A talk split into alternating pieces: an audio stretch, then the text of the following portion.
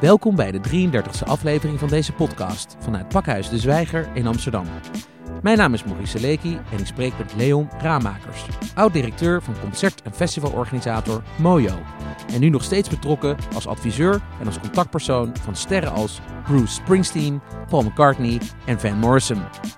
Op maandag 13 mei is Leon Raamakers samen met muzikant Colin Benders te gast in talkshow Dutch Masters in Pakhuis de Zwijger. Goedemiddag uh, Leon, welkom bij ons in de studio. Je kwam in uh, 1969 uh, terecht bij Mojo, opgericht door Barry Visser. jij studeerde zelf toen nog in Delft, weg- en waterbouw. Kun je een beeld van de tijdgeest schetsen en, en ook vooral hoe ben je bij Mojo terechtgekomen? Dat tijdsbeeld, laat ik dat beperken tot mijn eigen tijdsbeeld.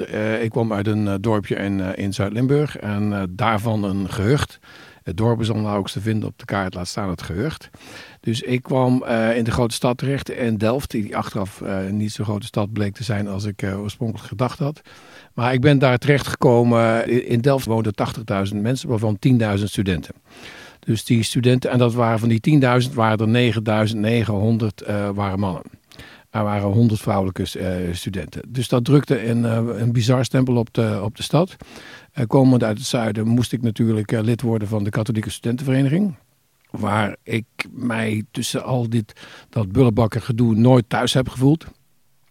Dus ik uh, kwam wel van een klein dorpje in, in een grotere stad. Maar ik heb het eigenlijk nooit echt in dat milieu thuis gevoeld. Dat was in de tijd van de kaalscheren tijdens ontgroeningen? En ja hoor, absoluut. Ja, wij werden nog kaal geschoren. Dus je was eigenlijk hard op weg in dat, dat stadium uh, om een Delftse ingenieur te worden, toch? Ja, ja, ik had de eerste ingenieur van het dorp moeten worden. En um, ja, dat was mijn bestemming, dat was mijn lot. Ondertussen was ik mijn studie gaan haten. Voor meer mensen is 1968 een uh, jaar van uh, grote change geworden. Dat was voor mij ook. Ik ontdekte dat er naast dat duffe mannelijke studentenleven ook nog een andere wereld bestond. wat voor mij een openbaring was. En ik ben toen per toeval terechtgekomen, uh, zo'n groot toeval was het ook weer niet, in het organiseren van, van iets. Uh, want in de studentensociëteit ging in het weekend dicht. Want op vrijdagavond ging je met een, een koffer vol vuil was naar je moeder en kwam je maandagochtend weer terug. Maar in die tijd, zo zomer 68, begonnen mensen te denken van nou... Misschien dat was de Summer of Love, hè? Ja, Misschien is het toch leuker dat we niet naar moeder toe gaan, maar hier in Delft blijven en daar wat gaan organiseren. Nou, toen kwam dus het, idee bij de sociëteitsbeheer uh, op om een weekendcafé te openen. Want, uh, want een prachtige kelder, uh, een gebouw uit de middeleeuwen, het fantastisch gebouw.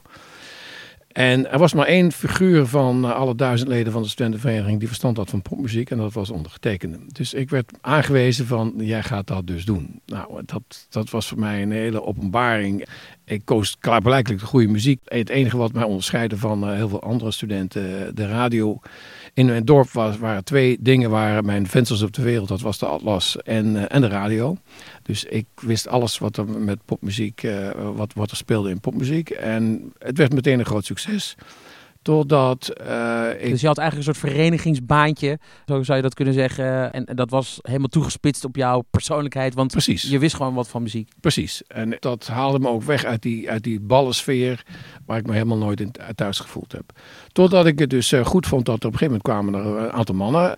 En die waren lid van de DSWH, moet je nagaan. De Delftse Studentenwerkgroep Homofilie, moet je nagaan. En die kwamen ook dansen. Nou, maar, uh, leuk, hartstikke leuk. Uh, hoe meer ziel, hoe meer vreugd. En toen werd ik op het matje geroepen door het beheer van de, van de studentenvereniging. Wat heb je nou gedaan? De Delftse gay scene stond ineens voor de deur. Ja, dus ik zeg, ja, nou en? Ja, nee, dat mocht niet. Ik zeg, nou, weet je wat, dan ga ik meteen weg. Dat, uh, en toen ben ik getransfereerd naar het Algemene Studentencafé. En die hadden op elke woensdagavond hadden die, gebeurde er iets. En ik had dus de, de tijd mee, want die tijd kwamen net de, de cabarets, de nieuwe cabarets kwamen op. Nederlands Openbange Dagen, Donkey Shocking, Cabaret Ivo de Wijs.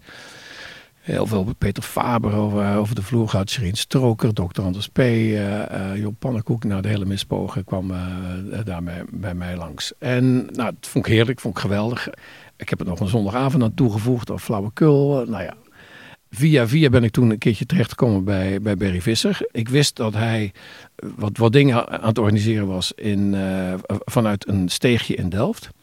En nou, ik zal een lang verhaal kort maken, maar uiteindelijk ben ik een kaartje gaan kopen daarbij voor, voor uh, Led Zeppelin in het Circus Theater, moet je nagaan. Led Zeppelin Circus Theater, Scheveningen, ja. Daar waren uiteindelijk maar 600 man. Maar 600 man. Ja, voor jou doen tegenwoordig is dat natuurlijk was dat helemaal niks. Precies, maar 600 man voor Led Zeppelin. Uh, is niet, niet meer voor te stellen. concert. Precies, precies, precies. Maar goed, en toen ben ik aan de praat gekomen met hem. En toen schreef hij mij een briefje toe, zo'n HEMA kladblok. En daar stond op uh, Jefferson Airplane, The Birds, Kenneth Heat, uh, Family, Pink Floyd, Soft Machine, enzovoort, Santana, enzovoort. Ik zei, wat vind je ervan? zei hij. En uh, ik zeg, nou, het zijn, mijn, groepen, geweldig en zo. Ja, maar wat ga je dan doen? Ja, ik ga een festival organiseren met deze. Ik heb ze al, contracten al getekend. Hij zei, waar ga je dat doen? Ja, dat weet ik nog niet. En heb je daar geld voor? Nee. Dus als jij een plek weet te vinden waar ik dat kan doen of geld, dan krijg je van mij 5000 gulden. Nou, ik kreeg toen 300 gulden per maand van mijn moeder, dus dat vond ik nogal wat. Nou, naar huis gefietst en uh, gedacht van, nou, plek vinden, een beetje moeilijk, want ik had alleen een fiets. Dus uh, geld, hoe zou ik aan geld kunnen komen? Nou, weet je wat, ik schrijf, ik schrijf gewoon een brief aan het ministerie. En dan heb ik een brief gestuurd aan het ministerie. Van Cultuur. Uh, van Cultuur, ja. ja. en heel ronkend, alles zou fantastisch worden. Underground en geweldig en dat soort zaken meer post gedaan. En een week later word ik door mijn flatgenoot uit bed getrimd van het ministerie aan de lijn.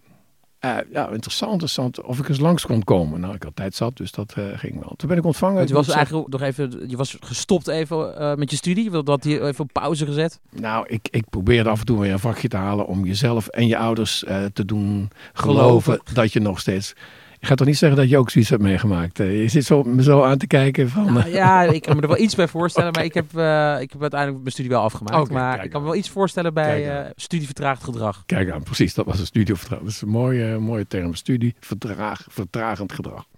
Goed, maar om een lang verhaal kort te maken weer.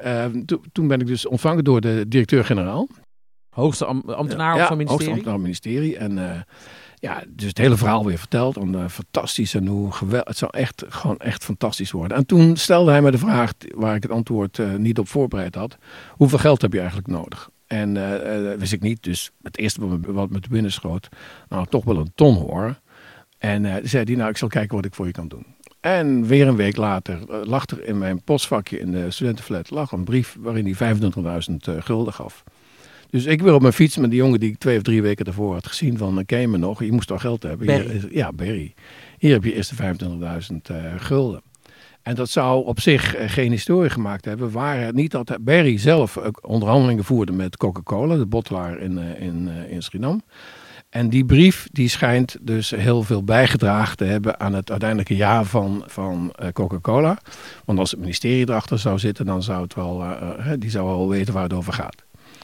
En ja, die, meneer, die directeur van uh, Coca-Cola is dus na het festival niet meer naar zijn werk gegaan. Want hij wist dat, uh, dat hij ontslagen zou, uh, zou worden. Want het festival was dus cultureel enorm succes. Maar zakelijk was het een, een fiasco. Een fiasco ja, ja. Dit was dus eigenlijk wel de eerste samenwerking met een man die later jouw zakenpartner zou worden bij ja. Mojo. Ja, klopt. En dit, dit waren nog jullie eerste avonturen. Het klinkt ja. echt als een, als een jongensboek. Want in die tijd zie je, en je hoort toch ook wel wat terug in de biografieën bijvoorbeeld van Keith Richards en Mick Jagger, dat de artiesten nog vrij dicht bij, de, bij het publiek en de managers en uh, ja, bij het, het volk stond, om maar even zo te zeggen. Was dat ook zo? Was het een beetje die tijd waarin je dingen makkelijker voor elkaar kon krijgen, als je, omdat je dichter bij de artiesten kon komen bijvoorbeeld? Nee, maar ook omdat de artiesten gewoon niet zo groot waren. Daarnaast hebben we concerten gaan organiseren en als we een keertje 2000 mensen hadden, dan was het wauw, het is niet te geloven. Dus het hele de schaalvergroting is pas veel later gekomen. En eh, kijk, als je eh, gewoon door de stad kunt lopen, ja, dat is natuurlijk een ander verhaal dan uh, stel dat Jimi Hendrix nog geleefd zou hebben. En kan die nu, had hij nu niet door de stad kunnen lopen. Maar ja, toen, toen wel. Want popmuziek was maar in bij een heel klein gedeelte van de, van, van de bevolking. Uh, nu, nu, is het mainstream geworden, uh, muziek. Maar als je vroeger van popmuziek hield, dan was je een buitenbeentje. Dan was je iets bijzonders. En die, die popmuziek die had ook een hele uh, sterke maatschappelijke component. Hè? Want het representeerde ook de burgerrechtenbeweging en allerlei andere ja. bewegingen in de, in de wereld. Ja, het was ook een beetje kinderlijk natuurlijk. Hè? Kijk, als de hoe gaan zingen I Wanna Die Before I Get Old. En je zou dat nu onder hun neus wrijven. Dan, en dan zeggen, denken ze toch dat ze uh, jeugdzonde. Maar goed, het had veel maatschappelijker... omdat het een onderdeel was van de vrijmaking van de wederopbouw, van de tijd na de oorlog, hard werken om het land er weer bovenop te krijgen. Uh, doen wat je ouders zeggen. Daar was, was het natuurlijk een, een, groot onderdeel van. Ja. Dus het was ook de muziek van de babyboom generatie, ja, waar je zelf ook eigenlijk bij hoort. Ja, ja precies, absoluut. Ja. Dan nog even terug naar, naar dat, dat punt met, met, met Mojo. Ik bedoel, eh, die eerste samenwerking. Je hebt niet dat, dat avontuur een beetje geschetst. Maar jullie zijn, hebben op een gegeven moment gekozen om, om verder te gaan en om dit uit te bouwen. Ja. Heb je ooit gedacht van dit, dit is een soort fase, dit gaat voorbij. Want op een gegeven moment gaat die jeugd voorbij, dan gaat die muziek voorbij. En dan moet ik misschien toch weer terug naar dat Delftse ingenieurschap. Nee, heb ik nooit, nooit gedacht. Uh, ik heb me daar totaal aan overgegeven. En um, omdat mijn. Ik ben begonnen met muziek luisteren naar, uh, in 1962. En uh, dat was dus al acht jaar aan de gang. Het werd alleen maar groter. Dus er was bij mij geen enkel idee dat dat ooit zou ophouden. Dat, dat niet. Dat was een beetje wel... de opkomst van de Beatles, toch? In 62. ja, ja. ja, ja. Wat wel bij mij leeft natuurlijk is van als het misgaat. Hè, dan heb ik dus gegokt op uh, iets wat ik. Uh, ja, toen ik, toen ik in aanraking mee kwam, toen besefte ik meteen: dit past mij als een handschoen. Het, was dus precies het tegenovergestelde van mijn studie, die ik haatte. Dit was gewoon, als dit mijn leven zou kunnen worden, nou, ik, zou niks anders willen. Maar het is, een aantal keren is het uh, zo goed misgegaan dat, dat ik dacht: van nu is het afgelopen. En ik kan me ook herinneren dat ik een keertje toen heb gedacht van, nou ja, nou moet ik maar weer gaan studeren. Maar dat was het, eh, wel het moment, uh, ik ben niet meer zo gelovig, maar dat je gaat denken, geloven in de voorzienigheid. Toen ben ik dus weer gelopen naar mijn, naar mijn oude faculteit. En die bleek gesloten te zijn. Die bleek verhuisd te zijn in de tussentijd. En toen dacht ik, dit moet een, dit moet een teken zijn dat ik er maar niet meer dus je was tot één keer gekomen, zeg maar. Maar de universiteit wilde die niet meer. Nee, die was, uh, had gedacht van ik ga maar even weg. Want uh, overigens, je bent altijd tijd in Delft gebleven. Mojo, ja. uh, of Mojo zit nog steeds in Delft. Ja. waarom Delft eigenlijk? Waarom zijn jullie niet naar Amsterdam of Hilversum Ja, we zaten daar gewoon. Ik, het is geen andere reden. Ehm, achteraf denk ik ook wel dat het helemaal niet zo verkeerd is geweest. Want wij waren, zaten niet in het oog van de muziekindustrie. De muziekindustrie was vroeger Hilversum en een beetje Haarlem. Um, en in die tijd eh, maakte de muziekindustrie eh, zoveel geld dat het gewoon bizar was. Artiesten werden heel, uh, heel, heel laag betaald. Um, dus sowieso werd er al, al veel verdiend. En op een gegeven moment kwam dus de overgang van de LP naar de CD. En toen klotste het werkelijk over, de, over de enkels van de, van de. Inmiddels bestaat Mojo 50 jaar, een halve eeuw. En dat wordt gevierd met onder andere een boek en ook een tentoonstelling, Museum Prinsenhof in Delft. Je hebt eigenlijk nooit heel veel interviews gegeven. Je was een beetje een man op de achtergrond. In tegenstelling tot veel internationale collega's. De laatste tijd ben je wel veel meer in de openbaarheid uh, getreden. Onlangs nog een groot interview in uh, Vrij Nederland. Uh, ook een paar televisieoptredens. Je bent al sinds 2004 teruggetreden als directeur. Is het makkelijker om nu in de openbaarheid te treden nu je niet meer met die dagelijkse bedrijfsvoering bezig bent? Ja, het, het is nooit mijn, uh, mijn, mijn, mijn ding geweest. Ik zeg altijd, ik kan de hele dag door de Kalverstraat lopen en dan is niemand die mij herkent. Maar bijna al mijn, uh, mijn collega's, die zijn in hun land wereldberoemd. En ik vind het veel leuker om, uh, om dat niet te zijn. Het is, ja, en ik wil niet zeggen dat ik daarom beter ben dan die anderen hoor. Dat, dat, wil ik helemaal niet zeggen. Maar het is gewoon niet mijn ding. Maar goed, als je dan 50 jaar bestaat en je, en je beslist om een boek uit te brengen daarover. En je beslist om een tentoonstelling te gaan doen dan moet je ook uh, boter bij de vis, put the money where your mouth is. Dan moet je ook iets doen aan de promotie van, uh, van die twee dingen bijvoorbeeld. Hè? Ja, en een podcast als deze bijvoorbeeld. En een podcast als deze, ja. ja, ja. precies. Koopt allemaal het boek. hey, en dat, uh, dat geheim van het, van het goede concert of het goede evenement. Want uh, Mario heeft ook heel veel festivals zoals bijvoorbeeld Lowlands uh, uh, opgezet en geïnitieerd. Wat is nou eigenlijk het geheim van een goed concert of van een goed festival? Nou, een goed concert is, is, is, is natuurlijk veel simpeler dan een uh, goed festival. Uh, bij een, een, een, concert, we hebben eigenlijk twee klanten als organisator. We hebben de band en we hebben de, de bezoeker. En wij moeten ervoor gaan zorgen dat als om acht uur licht uitgaat, dat de conditie optimaal is om die interactie tussen dat publiek en die band zo optimaal te, te doen zijn. En daarvoor moet je gewoon goed kunnen zorgen. En moet je je niet voor generen dat je dat je eh, zorgt, dat je babysit af en toe zelfs.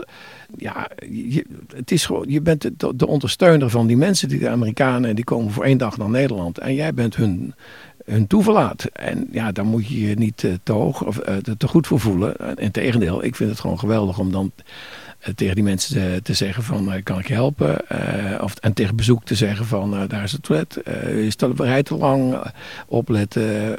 security, meer deuren open. dus het, het gastheerschap. Het gastheerschap, ja. ja, ja.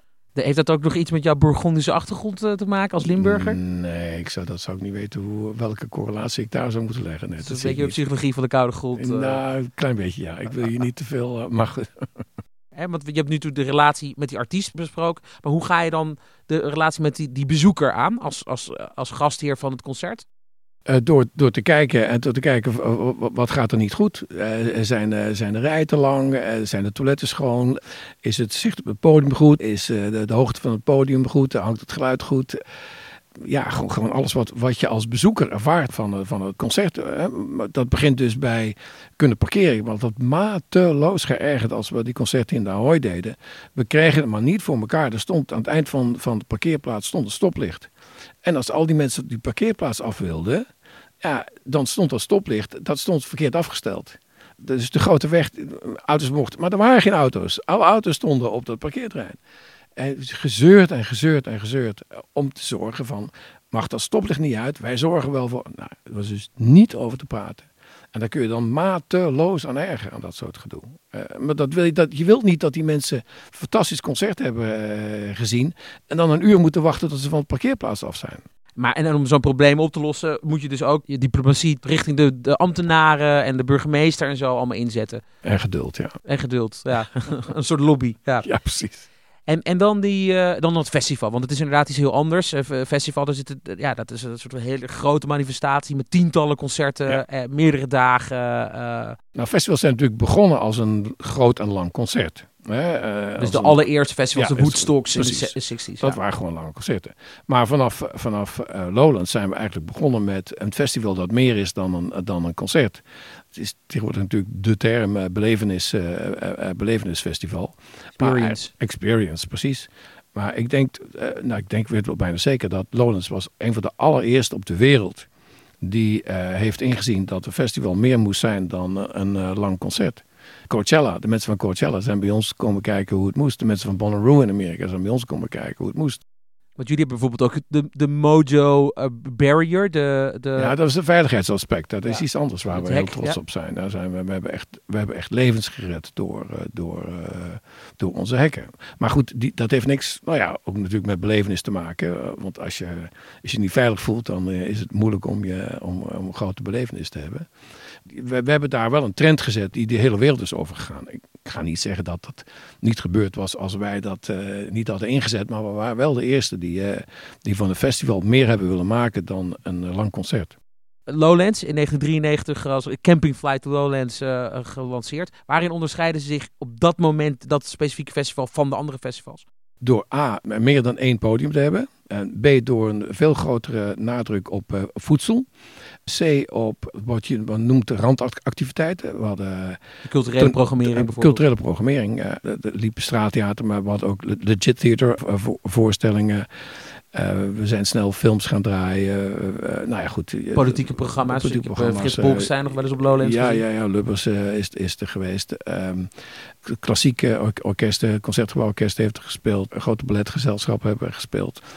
Ik heb laatst Koyanis van, uh, van Philip Klaas uh, een paar jaar geleden gehad. Dus het, het, het is gewoon veel meer dan een verlengd concert. Dat, daar komt het op neer. Dat eclectische, dus die, het samenbrengen van al die kunstvormen en van al die disciplines. En ook dat maatschappelijke, wat, er, wat, wat je inderdaad ook op Lowlands heel nadrukkelijk terug ziet.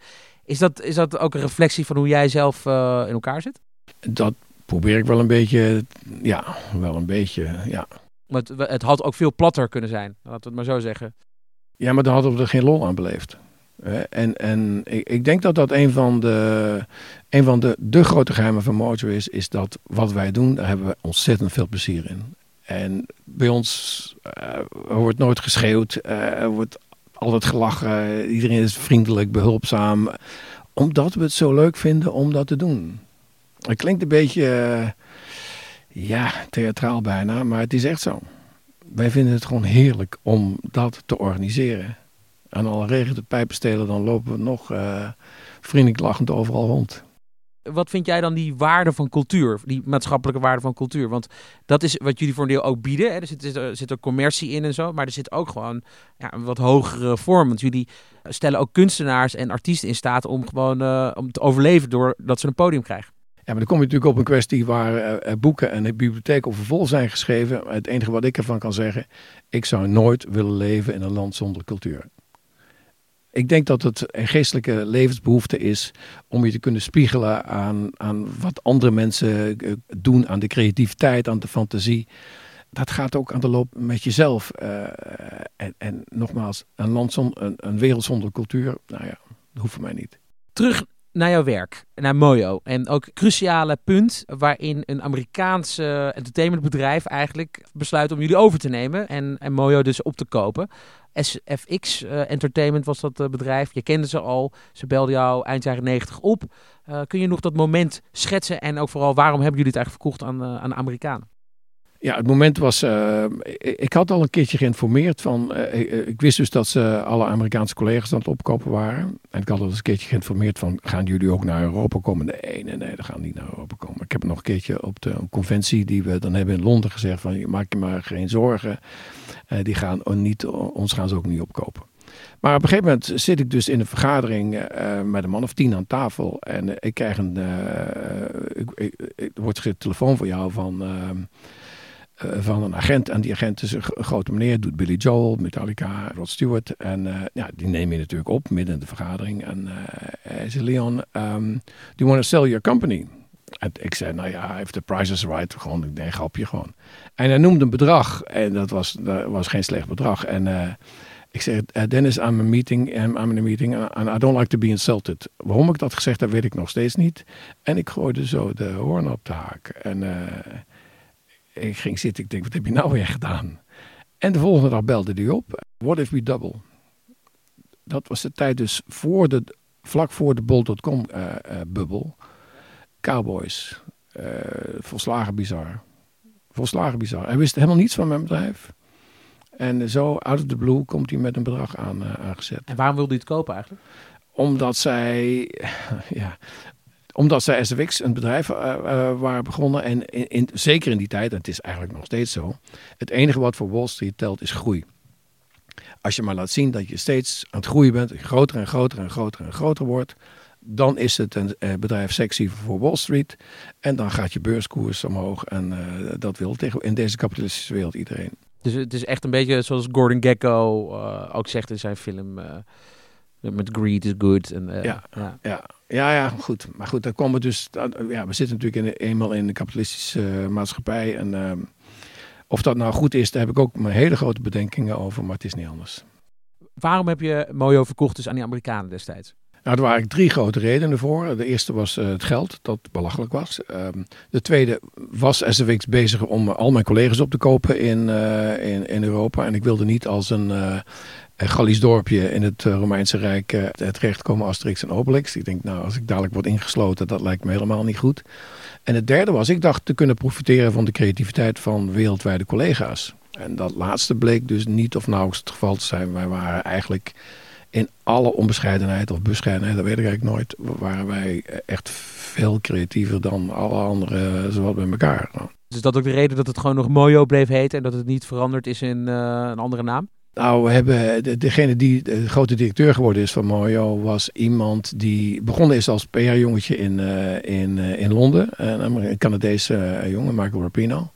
En daar hebben wij een, een, hele goede band mee, mee opgebouwd. En hij hij zag dus ook wel dat wij in, in, in, in Europa degene waren die het meest creatief bezig waren. En um, ja, ik heb hem nooit precies gevraagd, maar wij zijn het enige um, Live Nation bedrijf dat zich nog naar de oorspronkelijke naam mag noemen. Ja.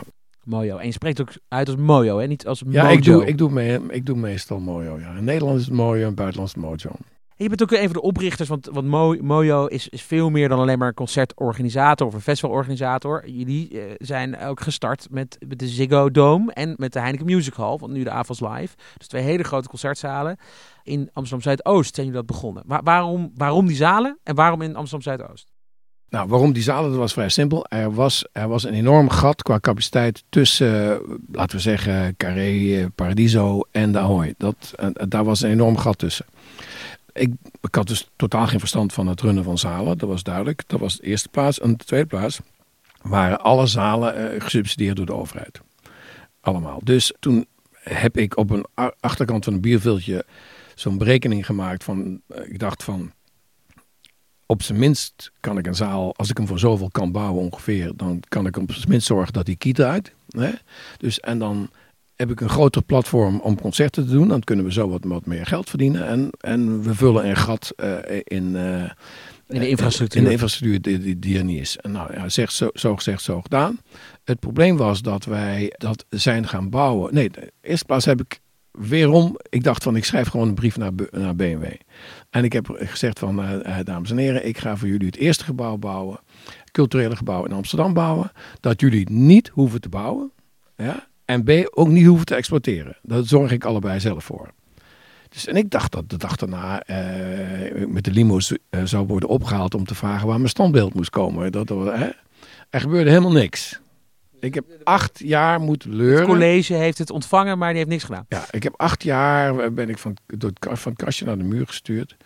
Maar ik wilde eigenlijk niet lobbyen. Ik denk, dit is wel zo'n zo'n simpel voorbeeld van uh, waarom zou ik dat nou niet doen. Ik verdomde om te gaan lobbyen. En toen op een gegeven moment zei iemand, doe dat niet zo eigenwijs. Je moet maar twee mensen overtuigen. En dat was toen uh, Ferry Houteman. Die was fractievoorzitter van de VVD.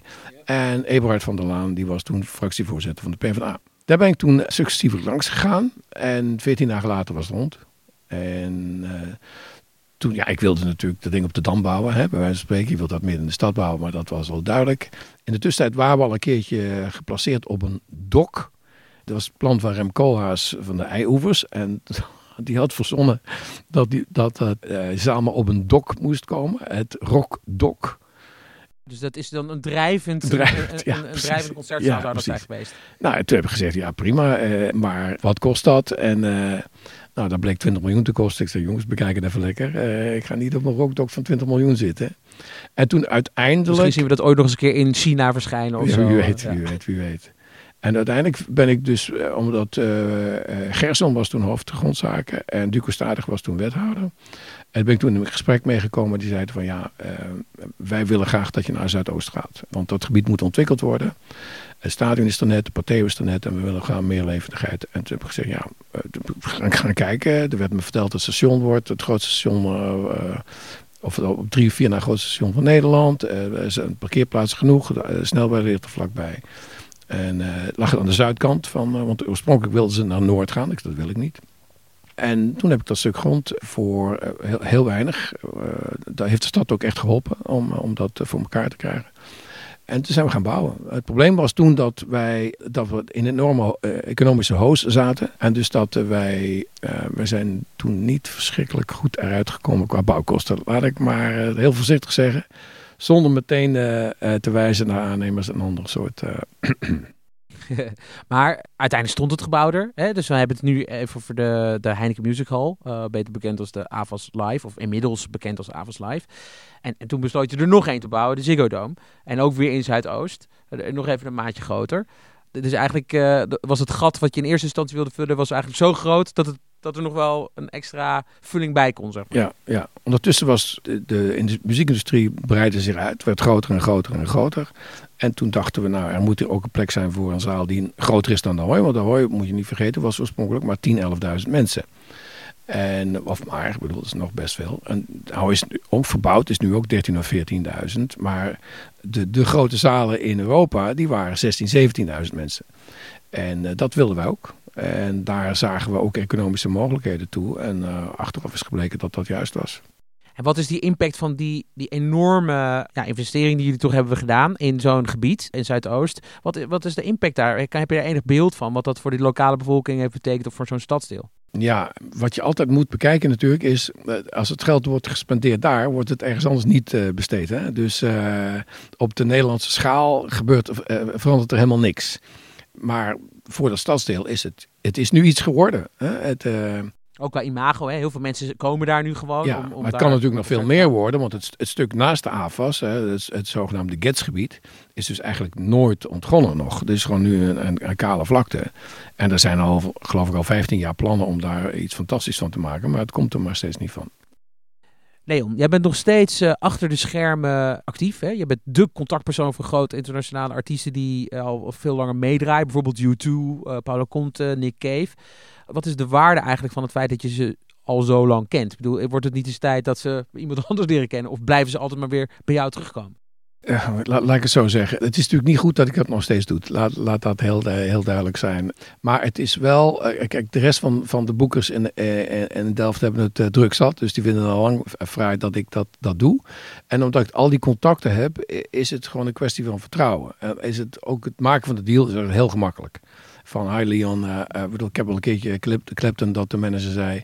The kid wants to tour again. Eh, en eh, dus eh, wat gaan we dit jaar doen? En nou, zegt, nou, vorige keer dit. Dan zo, oké, prima. En dan krijg je de afloop, krijg je het contract. En dan, dus die vertrouwensband met die mensen, ja, dat is gewoon... Dat is ook bijna onvervangbaar, toch? Ik bedoel, het is gewoon goud waard. Zeker Ja. als je, omdat dat mensen van je eigen generatie voor een deel Ja, zijn. dat klopt. Voor een deel totaal. Als ze allemaal oude...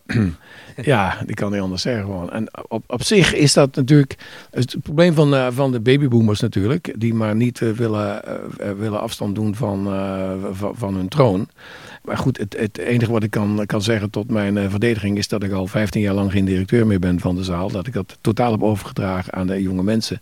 Dat ik alle jonge mensen mee heb laten groeien met hun bandjes. Eh, en Nicolien kwam bij ons, kwam van de Melkweg. En een van de eerste bandjes was Muse. Die stond dan in de Melkweg. Maar Muse stond laatst in het, in het stadion. En wie maakt de deal? Nog steeds Nicolien. Dus de meeste van mijn collega's die zeggen, nou, het is nou nu ga ik het doen gewoon. Ik heb altijd iedereen laten meegroeien met ze. Ik heb ook heel veel groepen al afgestaan als aan eh, Elton John wordt nou gedaan door, door, door Nicolien, Iron Maiden wordt door Rob gedaan. Dat deed ik al vroeger allemaal zelf. Dus ik heb al heel veel van die groepen allemaal losgelaten. Maar er zijn een paar, en soms zijn dat ook male chauvinist aan de andere kant van de, zeg dat niet te hard op zeggen gewoon, die alleen met mij willen praten. Wat ik allemaal niet zo geweldig vind, maar goed, dat is niet anders gewoon. Wat me opviel, eh, McCartney, maar ook de Rolling Stones. Dat is, eh, in jouw generatie was dat een, een soort van eh, conflict of interest. Of in ieder geval twee concurrerende bands. Maar voor jou is dat geen probleem. Nee, ik bedoel, business, wat dat betreft, is business is business natuurlijk. Want we, we- in het begin wilden we natuurlijk alleen maar groepen doen die, die we zelf leuk vonden. Maar A, bleken daar, daar toch te weinig van te zijn. En B, bleek achteraf de, de euro, of nee, de gulden die je verdiende aan Randy Newman op de bank precies evenveel waard was als de gulden die je van Uriah Heep had of Status Quo had verdiend. Dus eh, dan ben je daar, eh, van, dat geloof eh, val je al snel af, want dat was ook niet te doen geweest. Dat was de, die markt was veel te dun geweest. 13 mei, dan ben je te gast hier in Pakhuis de Zwijger. Dus iedereen die naar deze podcast heeft geluisterd, kom dan vooral om, eh, om jou in het echt te ontmoeten. Dan sta je ook oog in oog met Colin Benders. In Nederland eh, onder meer bekend van Kiteman Orchestra. Op dit moment zich heel erg verdiepend en ook echt, wat mij betreft, excellerend in modulaire muziek. Hoe gaat dat gesprek tussen jullie zijn? Waar gaan jullie het over hebben? Nou, dat, ik, ik laat me verrassen sowieso. Maar wat ik bijzonder aan hem vind, is dat hij... Hij is eh, eigenwijs onder eigenwijs te zijn. Eh, het is een beetje moeilijk omdat, omdat eh, hij, hij doet precies wat hij zelf wil, maar hij, hij, hij doet dat zonder vijanden te maken. Hij blijft, hij blijft zichzelf en daardoor accepteer je het gewoon. Het zit gewoon zo diep in hem dat hij, het is geen show, het is gewoon echt wat, wat, wat hij wil. En niet dat ik nou eh, het allemaal, ik ben te oud om dat allemaal nog eh, persoonlijk even leuk te vinden. Daar, daar gaat het verder niet om. Eh, eh, maar ik, ik, die, die geesteshouding van hem, die bevalt me uitermate. Ja, dus je verheugt er wel op dat, op dat gesprek. Ja. Ja. En als we dan toch dus die nieuwe generatie onder de loep nemen. Hè, de, de huidige Nederlandse eh, eh, nou, muziekwereld heb je aan de ene kant de artiesten. En aan de andere kant heb je die muziekindustrie. Een van de grote lichtpunten in die, in die industrie is de eh, dancewereld. Amsterdam Dance Event is een van de grootste internationale eh, evenementen als het gaat om, eh, om ja, elektronische muziek. Hoe kijk je naar zo'n ontwikkeling dat, dat Nederland een, een, pioniersland wordt op, op het gebied van dance bijvoorbeeld? Nou, ik, ik vind dat echt prachtig. ADE heeft ontzettend veel te danken aan eh Richard Zijlma. Maar die is helaas is die eh, verleden jaar afgetreden of moeten aftreden. En ja, goed, laten we hopen dat dat eh, eh, even hard doorgaat. Maar ja, het is, wij zijn in Nederland niet qua het uitvinden van de dancemuziek, maar wel van het, het uitvinden van de parties. dankzij IDT en, en Q-Dance ja, hebben wij een, een hoofdrol gespeeld in die hele ontwikkeling. En ja, net als ik het uh, leuk vind dat Ajax gaat winnen en dat uh, Dumoulin de Tour de France wint, ja, dat, dat hoort erbij. Dat hoort erbij. Zou je tot slot nog een boodschap mee willen geven aan onze luisteraars? Een boodschap, luister vooral veel naar muziek en ga heel veel naar concerten. En laat je inspireren door wat, uh, wat muzikanten produceren en wat ze je voorschotelen. Dankjewel, Leon Raamakers. Beste luisteraars, dit was de 33e aflevering van de podcastserie van Pakhuis de Zwijger. Op maandag 13 mei ontmoeten Leon Raamakers en Colin Benders elkaar tijdens Dutch Masters in Pakhuis de Zwijger. Ze gaan in gesprek over muziek, ondernemerschap en talentontwikkeling. Meer informatie over dit programma en andere programma's van Pakhuis de Zwijger is te vinden op dezwijger.nl. Een rating achterlaten of je abonneren op deze podcast kan via SoundCloud, Spotify, iTunes of een ander podcastplatform. Dank voor het luisteren en tot de volgende keer.